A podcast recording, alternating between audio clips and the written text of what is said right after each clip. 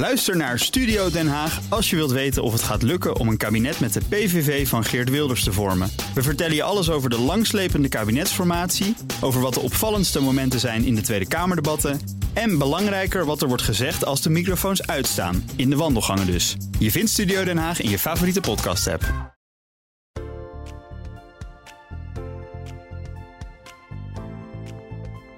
Goeiedag, dit is uh, PensioenPro in gesprek.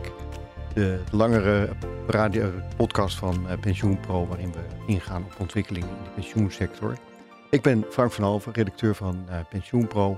En ik ben hier samen met Paul de Beer, hoogleraar arbeidsverhoudingen aan de UvA. En hij is ook directeur van het wetenschap, wetenschappelijk bureau voor de vakbond. Toch? Klopt dat? wetenschappelijk bureau voor de vakbeweging. Voor de vakbeweging, kijk aan, kijk aan. Nou, over die vakbeweging gaan we het hebben. En de rol van de vakbeweging is natuurlijk heel groot in het uh, pensioendossier. De vakbeweging is nu voor een groot deel uh, de club die ja, het nieuwe pensioenakkoord moet verdedigen. En moet uh, zeggen van kijk, we zijn goed bezig. Tuur Elsinga wordt vaak aangehaald als de man die zegt het gaat voor iedereen beter worden. Nou, is dat zo en neemt hij daar niet een, een groot risico? Dat is een van de zaken die we gaan bespreken. Maar voor die tijd duiken we een beetje terug en gaan we eventjes de relatie bespreken tussen sociale voorzieningen en het tweede pijlerpensioen. Eh, op het eerste gezicht zijn er twee verschillende zaken die misschien een beetje los van elkaar staan. Het ene door de overheid geregeld, het andere door werkgevers en werknemers. Maar Paul kan dat meer aan elkaar linken. Dus waarom kun je het eigenlijk in één grote pot gooien en zeggen, ja, dat zijn toch een beetje dezelfde beesten? Ja, oorspronkelijk waren uh, naar mijn idee de sociale verzekeringen en het pensioenstelsel op dezelfde principes gebaseerd. Eén principe is dat mensen, werknemers, risico's lopen die ze zelf niet kunnen beïnvloeden. dat geldt voor werkloosheid, dat geldt in hoge mate ook voor ziekte, arbeidsongeschiktheid en dat geldt ook, ook voor ouderdom. dat laatste per definitie zou ik zeggen. Mm -hmm. een tweede element was dat er ook altijd gedachte was dat werkgevers, bedrijven meer risico's kunnen dragen dan werknemers. Simpel gezegd, de factor kapitaal kan risico's makkelijker spreiden dan de ar factor arbeid, die afhankelijk is van het inkomen wat ze verdienen uit hun loon. En dat was dus een reden om een belangrijke mate van de risico's ook te leggen bij werkgevers. bijvoorbeeld het pensioenstelsel, dat werkgevers moesten bijstorten op het moment dat er uh, te weinig in uh, kas was. En dat is dan een beetje, dan een beetje een soort overheidsrol die dan de werkgevers hebben in deze sociale. Uh, ja, in zekere zin kreeg de, kreeg de werkgevers van de overheid een belangrijke rol opgelegd. Zowel om te voorkomen dat mensen een beroep moesten doen op de sociale verzekeringen via ontslagbescherming, maar ook via bijdrage van de werkgevers aan, aan de financiering van die sociale zekerheid. Ja. En het derde belangrijke element was dat die risico's van werknemers globaal voor iedereen even groot waren. Natuurlijk niet exact, uh, maar iedereen liep in principe een risico.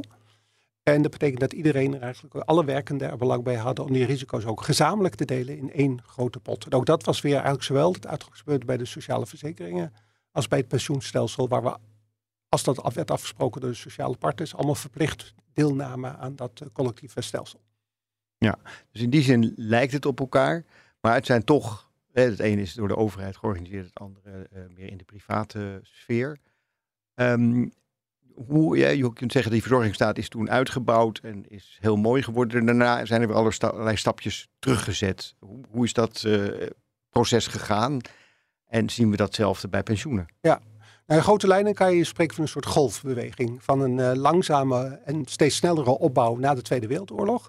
Tot ergens zo ehm, eind jaren zeventig een soort hoogtepunt bereikt werd. Dus een beetje alle risico's gedekt werden en de uitkeringen ook relatief hoog waren. En daarna zie je dat er langzaam maar zeker weer de golf naar beneden gaat. Uh, dat heeft deels te maken met het feit dat er enorm beroep werd gedaan op de sociale verzekeringen. Met name natuurlijk de arbeidsongeschiktheidsverzekering. Iedereen herinnert zich nog wel, die wat ouder is, de uitspraak van premier Lubbers. Nederland is ziek, omdat er zoveel mensen in de WHO zaten, de oude arbeidsongeschiktheidsverzekering. Uh, en toen langzamerhand ontstond het beeld van het is te ver doorgeschoten, we moeten stapjes terug doen.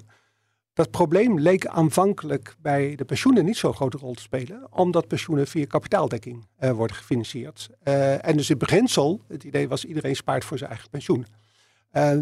Dus het duurt vrij lang voordat al die ingrepen die in de sociale zekerheid plaatsvinden, ook langzamerhand invloed gaan hebben op de discussie over de pensioenen. Eerst over de AOW, want daar wordt natuurlijk voorspeld door de vergrijzing en de groeiende groep mensen die gepensioneerd zijn, dat het steeds duurder wordt. En langzamerhand begint door te dringen dat het ook voor de pensioenen misschien consequenties heeft. Met name door de uh, langere levensverwachting die mensen hebben, waardoor je langer pensioenuitkering moet betalen. En dan wordt langzamerhand ook dat pensioenstelsel ter discussie gesteld. Mhm. En wanneer, waar, waar hebben we het op welk jaartal nou, begint dat, te, te, te, te, rommelen en te, ja, waar de sociale verzekeringen eigenlijk al vanaf de uh, begin jaren 80 mhm. speelt, zie je dat pas eigenlijk bij pensioenen echt goed gaat spelen eind jaren 90 en begin 2000. Dus de laatste 20 jaar. Uh, 20 jaar. Ja. En was daar ook niet de enorme afhankelijkheid van financiële markten? Speelde die daar ook niet een rol bij? Of was dat nog niet een zo'n belangrijk element daarin? Nou ja, het grappige is, aanvankelijk had het juist een positief effect. Omdat de rendementen uh, van de pensioenfondsen over het algemeen behoorlijk hoog waren. Zeker naarmate ze meer in uh, risicodragende uh, vermogenstitels zoals aandelen konden gaan beleggen. Dat ging eigenlijk heel goed. En tegelijkertijd was de rentestand was een tijd lang gefixeerd op, wat was het, 4%? 4%, ja. Um, dus toen leek er eigenlijk geen vuiltje aan de lucht te zijn. Dat ging eigenlijk veranderen toen er af en toe toch ook crisis op de beurzen waren, waardoor de aandelen en de andere beleggingen waarde daalden. En vooral ook de overgang naar niet meer een vaste rekenrente, maar een markt, uh, lange termijn rente, die tot vele verrassing uh, fors ging dalen. Uh, waardoor ruwweg vanaf ja, over 2010 er ineens veel meer geld in kas moest zijn om nog aan de dekkingsgraad die de Nederlandse bank als eis opstel, oplegt te kunnen voldoen. Ja. dus uiteindelijk was inderdaad die financiële markten hebben wel mede bepaald waarom het systeem in crisis is geraakt, maar niet per definitie, maar omdat er een, een ja, toevallig samenloop was van die dalende rente en het feit dat men overgestapt was naar die marktrente. Het was ook uh, discussie van wie is dat pensioen, hoe moet je het bekijken, dat pensioen. Jij zegt dat de terminologie rond dat pensioen, dat dat invloed heeft gehad op het denken over, over dat hele pensioen. Ja, eigenlijk is pensioen toch heel lang gezien inderdaad als een van de sociale voorzieningen naast de werknemersverzekering en de AOW en dergelijke meer. En ik denk dat de meeste mensen nauwelijks verschil zagen tussen uh, bijvoorbeeld een pensioendeel wat uit de AOW kwam en een pensioendeel wat uh, door de sociale partners in de tweede pijler was afgesproken. Maar uh, bijvoorbeeld met de introductie van die marktrente, uh, die werd geïntroduceerd omdat gezegd werd, ja, maar eigenlijk moet je pensioenen toch ook vergelijken met andere financiële producten. en als bijvoorbeeld commerciële levensverzekeraars gebruik moeten maken van waardering van de verplichtingen op basis van de marktrente, ja, waarom zouden pensioenfondsen dat niet moeten doen? Want die leveren eigenlijk een vergelijkbaar soort product als uh, die verzekeraars. Nou, dat idee dat je gaat praten in termen van een financieel product in plaats van een sociale voorziening waar iedereen aan bijdraagt, dat heeft een fundamentele invloed gehad, naar mijn idee, op de manier van denken over, de over het pensioenstelsel. En het ligt nog steeds eigenlijk aan de basis van de huidige discussie en de hervorming die nu wordt doorgevoerd. Heb je enig idee waar dat vandaan komt? Eh, dat, dat die, die langzame overgang van sociale voorziening naar dit is eigenlijk een financieel product. Uh, ik denk dat je dat moet zien in het bredere uh, perspectief van de, het andere denken over, over markten, over marktwerking. Ehm, je zou het, als je het wil, ook aan kunnen duiden als de dominantie van het neoliberale denken. De hele gedachte die eigenlijk vanaf de jaren 80, 90 dominant is geworden, dat de overheid een stapje terug moet doen, dat we meer ruimte moeten laten voor marktwerking. Uh, ook in de publieke sector het zogenaamde New Public Management, waarin ook weer gedacht wordt in termen van de overheid die een product levert aan klanten. De burgers zijn dan ineens klanten geworden, wie ook moeten inspelen op vraag en aanbod. Nou, dat soort denken. Uh, ook nog ten aanvulling erop denken de gedachte dat we um, iets meer nadruk moeten leggen op verantwoordelijkheid van het individu en minder op collectieve afdekking van risico's, omdat vaak gedacht wordt dat dan mensen zich uh, ja, onverantwoord gaan gedragen, omdat ze te veel risico's gaan lopen als dat heel goed is afgedekt. Nou, al dat soort veranderingen in het denken hebben denk ik ook de grondslag gelegen aan het uh, andere soort terminologie die gebruikt wordt ten aanzien van uh, pensioenen. Ja. ja, en heb je een paar ja, omwentelingen gehad in dat pensioen? we zijn van eindloon naar middenloon gegaan. Nou, er zijn nog een paar stapjes gezet.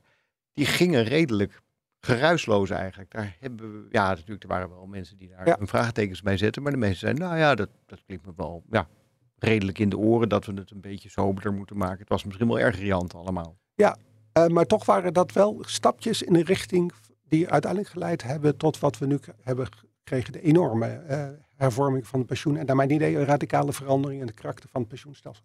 Om even die, die uh, van middelloon naar eindloon. sorry, van eindloon naar middelloon. Um, daar kon natuurlijk goede argumenten voor gegeven worden. Bijvoorbeeld het feit dat mensen uh, aan het eind van een loopbaan, vlak voor een pensioen, nog even een, uh, een extra uh, carrière stappen, promotie maakten, zodat hun eindloon lekker hoog was en ze extra veel pensioen kregen. En dat was natuurlijk heel lastig te financieren. De enorme zogenaamde backservice verplichtingen die dat opleverde. Maar tegelijkertijd de hele gedachte dat je uitkering gebaseerd is op het loon wat je verdient voordat je uh, stopt met werken, is natuurlijk in de werkloosheidswet en de arbeidsongeschiktheidswet nog steeds uh, vanzelfsprekend. Uh, dus dat dat niet meer zo vanzelfsprekend is bij de pensioenen, dat geeft al aan dat we er blijkbaar iets anders over gingen denken. Dat we het idee hadden van je uitkering moet een soort weerspiegeling zijn van wat je over je hele leven verdiend hebt. Terwijl we dat bij de WW of de WHO nooit als uitgangspunt hebben gehanteerd. Dus dat geeft al aan dat er toch een stapje was in de richting van een andere manier van denken over pensioenen. Um, en zo zijn eigenlijk in de loop van de tijd een aantal kleine uh, veranderingen doorgevoerd. Uh, denk natuurlijk ook aan, uh, hoewel dat formeel buiten het pensioenstelsel viel, het afschaffen van de FUT-regelingen, die ook nog gebaseerd waren op een soort omslagstelsel. En dat was ook, nee, dat kan niet meer, want dat, je mag alleen eerder uittreden als je dan je eigen pensioenuitkering in feite al eh, gaat gedeeltelijk consumeren.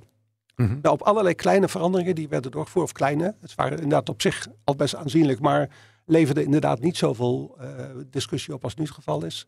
Die waren eigenlijk allemaal kleine stappen in de richting van meer naar pensioenen kijken als een individueel spaarproduct in plaats van als een collectieve voorziening waar iedereen een beroep op kan doen. Ja.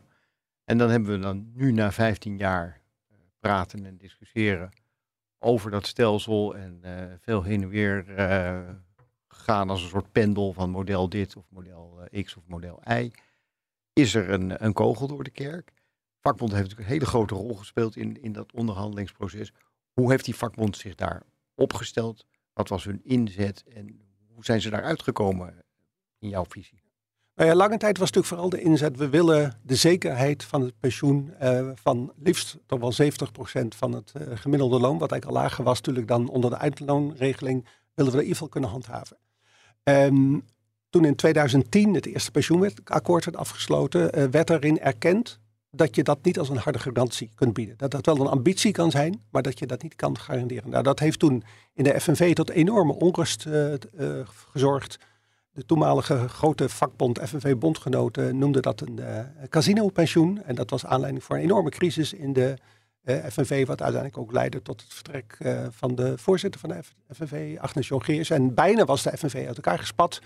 Nou ja, uiteindelijk is, heeft men toch ehm, de, de scherven weer aan elkaar kunnen lijmen, is de FNV doorgegaan. Uh, maar dat was wel natuurlijk een eerste stap op weg naar een hervorming. Uiteindelijk, uh, tien jaar later zo'n beetje, uh, kwam er opnieuw een akkoord tot stand waar men eigenlijk nog veel verder ging dan in dat akkoord van 2010, wat uiteindelijk niet is uitgevoerd.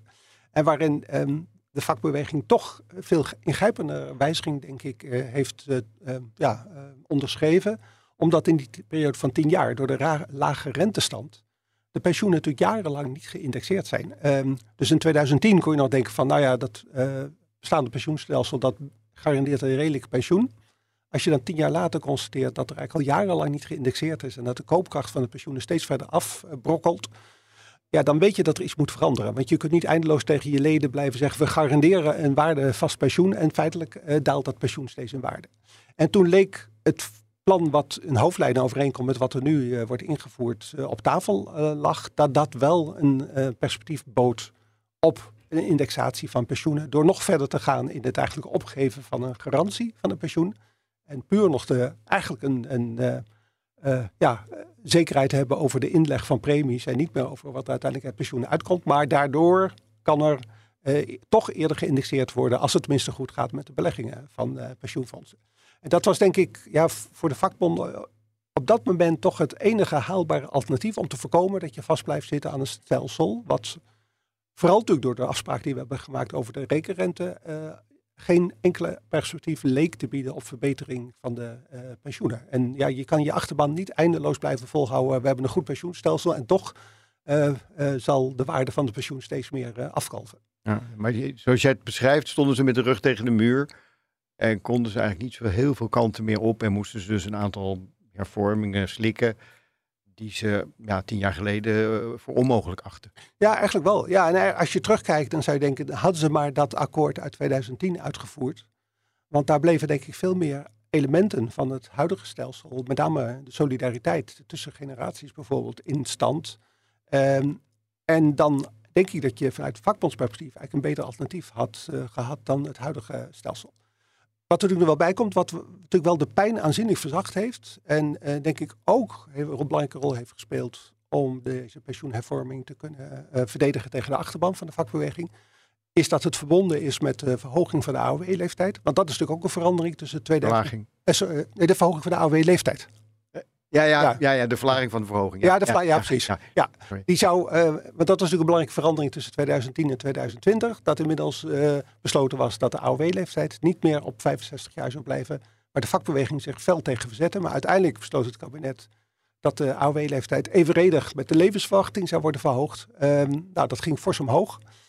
En onderdeel van het akkoord was nu dat de AOW-leeftijd minder sterk uh, zou stijgen. En nu, volgens de huidige regels, uh, gaat hij met ongeveer twee derde van ieder jaar dat de levensverwachting omhoog gaat, uh, gaat de AOW-leeftijd omhoog. Ja, die koppeling is afgezwakt. ja, en daardoor is het wat minder, gaat het minder hard. En een minder snelle stijging van de AOW-leeftijd kun je natuurlijk aan je achterban heel eenvoudig uh, verkopen als een groot succes. Want met name natuurlijk de oudere leden, laat zeggen leden die tegen hun pensioen aanzitten, en dat is natuurlijk een groot deel van het ledenbestand van de FNV, die zagen natuurlijk met ledenogen dat ze aanzienlijk langer moesten doorwerken dan ze verwacht hadden. En dit betekende op korte termijn voor hun een aanzienlijke verbetering. Ja. En als je dan bovendien ook nog het perspectief schetst dat, die, die, dat er eindelijk weer ruimte komt om de pensioenen uh, te indexeren en te verhogen, dan hebben ze ook voor de iets langere termijn die leden wat meer perspectief. Dat ze niet alleen uh, wat eerder met pensioen kunnen, maar bovendien ook nog eens een keertje een beter pensioen krijgen. Ja. En hoe dat technisch dan allemaal werkt, ja, dat was allemaal zo ingewikkeld. Uh, dat kon je natuurlijk eigenlijk aan bijna niemand uitleggen. Dus ga je als lid maar af op de belofte van de vakbeweging dat het nieuwe pensioenstelsel inderdaad meer perspectief biedt op indexatie dan het, uh, dan het oude stelsel. Ja, maar je zegt ook, ze hebben daardoor wel een aantal zaken moeten inleveren of een aantal zaken minder goed elkaar gekregen. En je noemt daar twee begrippen bij, collectiviteit en solidariteit. Misschien kun je daar beide wat dieper ingaan. Ja, nou, op zichzelf wordt de collectiviteit natuurlijk niet opgegeven. En ik denk dat dat ook wel een belangrijk winstpunt is. Dat is natuurlijk uh, eerder in discussies over pensioenen was dat natuurlijk wel eens aan de orde. Moeten we het niet helemaal gaan individualiseren? Moeten mensen niet zelf meer veel keuzevrijheid krijgen of ze wel of niet willen deelnemen aan een uh, pensioenstelsel? Moeten ze niet de ruimte krijgen als ze bijvoorbeeld een huis gaan kopen om een eh, pensioenvermogen te gebruiken om het huis te financieren in plaats van een hypotheek uh, te moeten uh, nemen. Nou, al dat soort elementen zijn er uiteindelijk niet in terechtgekomen. Dus die collectief, collectiviteit is op zichzelf gehandhaafd en dat is denk ik een heel groot goed. Omdat we gewoon weten dat als mensen individueel dit soort keuzes moeten maken, ze heel vaak ja, geen verstandige keuzes maken waar ze later spijt van krijgen. Dat mensen, qua, als ze zelf keuzes moeten maken over beleggingen, vaak ook domme keuzes maken. Dus het is denk ik heel goed dat dat in stand is gebleven. Maar de prijs die we voor betaald hebben, kan je zeggen, is dat we wel uh, de solidariteit binnen het stelsel aanzienlijk verminderd hebben. Dat zit natuurlijk vooral in het feit dat nu iedereen een eigen pensioenpotje krijgt. Dat is natuurlijk voor een deel fictief, want het blijft gewoon een onderdeel van de grote collectieve pot. Maar het is niet helemaal fictief, want dat betekent wel dat je in feite jouw eigen pensioen uh, in de toekomst toch afhankelijk wordt van hoeveel in jouw potje zitten. En eh, de vanzelfsprekendheid dat als het een keer tegenzit met beleggingen van pensioenfondsen, dat dan bijvoorbeeld jongeren solidair zijn met ouderen. Uh, ja, die vanzelfsprekendheid is nu eigenlijk grotendeels verdwenen uit het uh, stelsel.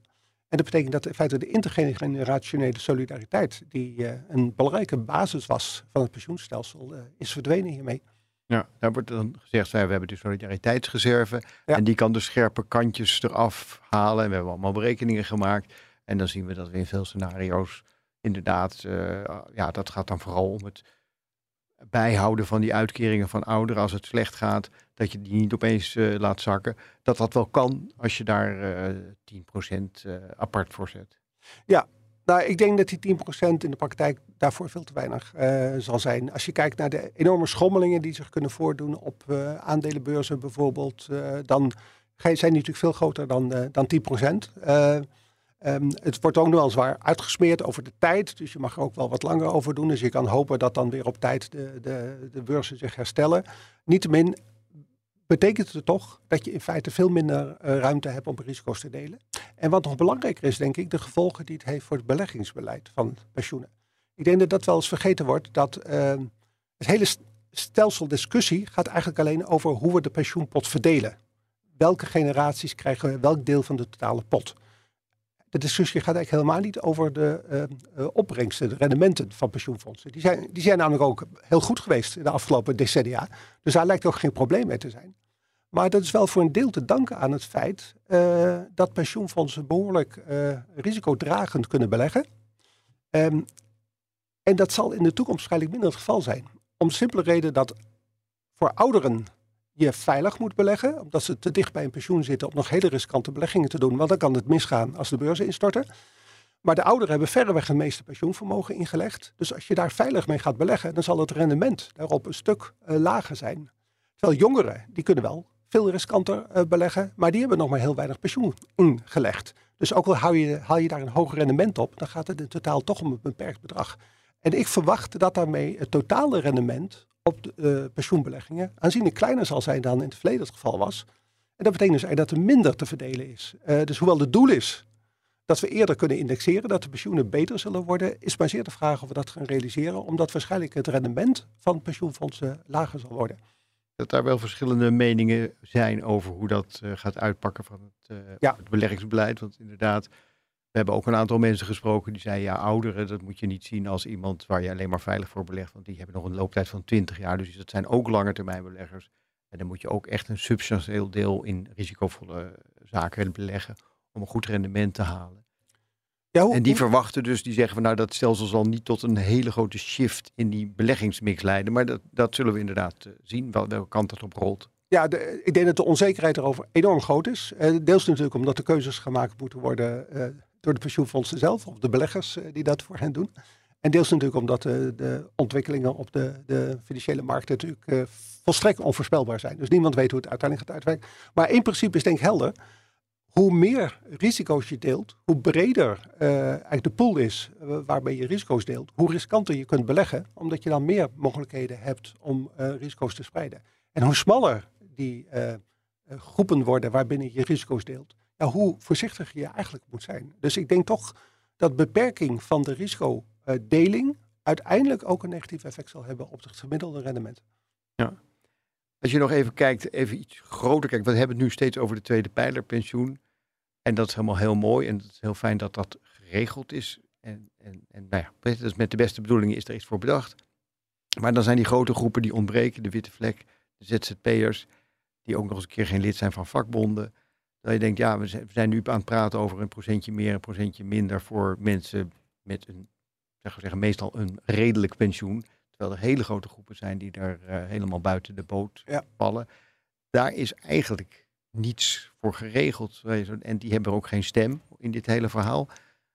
Ja, laat, laat de vakbond daar iets liggen. Hoe, hoe, kunnen ze daar iets aan doen? Ja, wat, wat, hoe zie je dat? Ja, ja, je kunt je afvragen of dat natuurlijk in de eerste plaats verantwoordelijkheid is voor vakbonden. Uh, want die onderhandelen natuurlijk uh, met werkgevers primair voor de werknemers. Sterker nog, uh, cao's afsluiten voor zelfstandigen mag niet. Ik weet niet precies hoe dat zou zitten met pensioenen, maar ik denk dat het ook wordt gezien als strijdig met de mededingingswetgeving.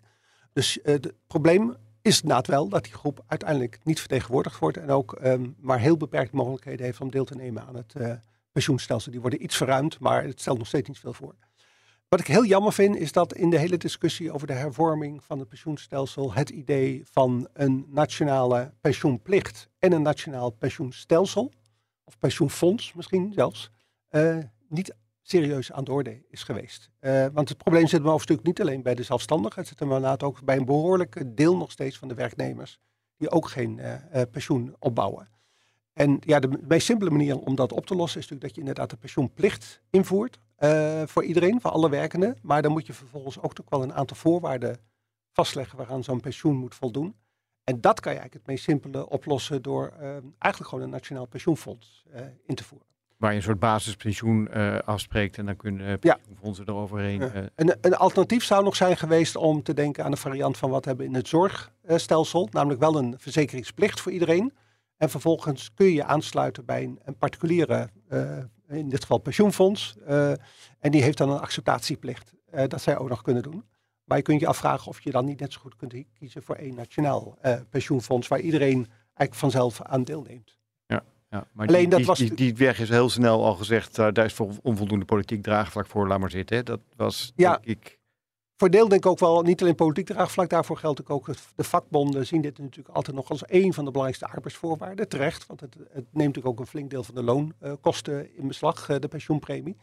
En uh, met zo'n Nationaal Pensioenfonds bestaat natuurlijk de kans dat ze die rol kwijt zouden raken. Want dan kan je natuurlijk niet meer in ieder uh, CAO afzonderlijk gaan onderhandelen over ook de pensioenbijdrage en de pensioenregeling. Dan moet je dat gewoon nationaal waarschijnlijk bij wet regelen.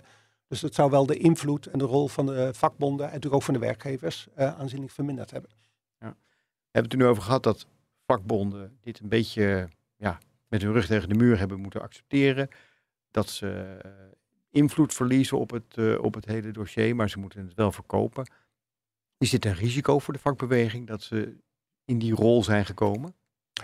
Um, ja, maar dat was natuurlijk al. Uh, het probleem was natuurlijk de afgelopen 10, 15 jaar dat ja, leden, werknemers, vakbonden toch wel medezagen als de partij die verantwoordelijk was voor het pensioenstelsel en die maar niet kon garanderen dat die pensioenen werden geïndexeerd. Ehm, de risico's in de toekomst zijn denk ik nog veel groter, maar die kunnen twee kanten op gaan. Ze kunnen de goede kant op gaan. Als het allemaal uitstekend gaat met beleggingen van pensioenfondsen, dan heb je de kans dat men de komende 10, 15 jaar uh, bijvoorbeeld wel kan indexeren en dat de pensioenverwachtingen van hun leden uitkomen. En dan zal dat leiden tot tevredenheid. Maar het omgekeerde kan ook gebeuren. dat we toch weer een, een beurskracht krijgen, dat de beleggingen enorm in waarde dalen en dat de pensioenen misschien zelfs weer verlaagd gaan worden. Wat tot nu toe nauwelijks is voorgekomen. Het is natuurlijk wel veel gekomen dat ze bevroren werden, maar verlaagd bijna niet. Dat kan in het nieuwe stelsel wel gaan gebeuren. Ja, als dat het geval is. Uh, en denk ook aan het feit dat het kan voorkomen, omdat mensen nu ieder jaar een overzicht gaan krijgen van hoeveel ze gespaard hebben. Het is heel goed denkbaar dat je het hele jaar pensioenpremie hebt betaald. En dat toch aan het eind van het jaar blijkt dat er minder in je pensioenpot zit dan het jaar daarvoor. Omdat de beleggingen in waarde gedaald zijn. Nou, ik denk als mensen dat zien, hé, hey, ik heb het hele jaar pensioenpremie betaald en ik heb nu nog minder dan vorig jaar. Uh, nou, geef dat geld maar aan mij. Ik ga het zelf wel beleggen en ik zal zorgen dat ik een hoger rendement haal. Nou, dat laatste is natuurlijk een illusie in het algemeen, maar uh, je loopt wel het risico dat dit soort sentimenten hierdoor worden aangewakkerd. En dat zal het vertrouwen in uh, de verantwoordelijke partijen, waaronder de vakbonden, natuurlijk niet vergroten. Ja, ja, je ziet het nu inderdaad allerlei clubs die zich gaan ja, organiseren om claims in te dienen, om op een of andere manier te duwen en te zeggen, nou, dit is niet goed en wij willen op een of andere manier tegenaan gaan bemoeien. Heb je het idee dat dat meer omvang of dat daar, dat daar veel interesse in is om dat soort zaken aan te pakken? Ja, de eerste grote proef op de som is natuurlijk het invaren van de oude uh, pensioenopbouw in het nieuwe stelsel. Daar is natuurlijk al heel wat om te doen uh, geweest. Ehm, en ja, als mensen gaan zien wat de gevolgen daarvan zijn, dan heb je natuurlijk best kans dat er hele groepen zijn die zeggen van hé, hey, ik krijg veel te weinig eigenlijk gezien wat ik tot nu toe aan pensioenpremie betaald heb en gespaard heb.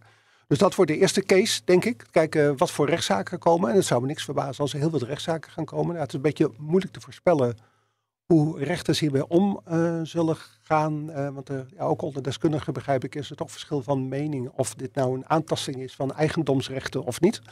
Um, als dat succesvol zou zijn, uh, als een aantal gevallen men gelijk krijgt, ja, dan kan natuurlijk het hele uh, pensioenstelsel ter discussie worden gesteld. Want ja, dan zullen anderen daardoor ongetwijfeld geïnspireerd worden om ook meer te gaan claimen. En het lastige blijft, het is natuurlijk gewoon niet op een neutraal, objectieve manier vast te stellen hoe die bestaande pensioenpot precies verdeeld moet worden over verschillende generaties. daar is niet één waarheid in. Dus het wordt erg afhankelijk van de keuze die je er maakt. En iedere keuze die je maakt is betwistbaar.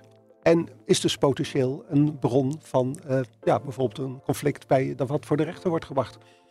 Ja, ja, ja. oké. Okay. Nou, dankjewel uh, Paul voor dit gesprek. Ja, dit was PensioenPro in gesprek. En we gaan de volgende keer verder met een andere deskundige die zich verdiept in zaken rond het pensioen. Goedendag allemaal.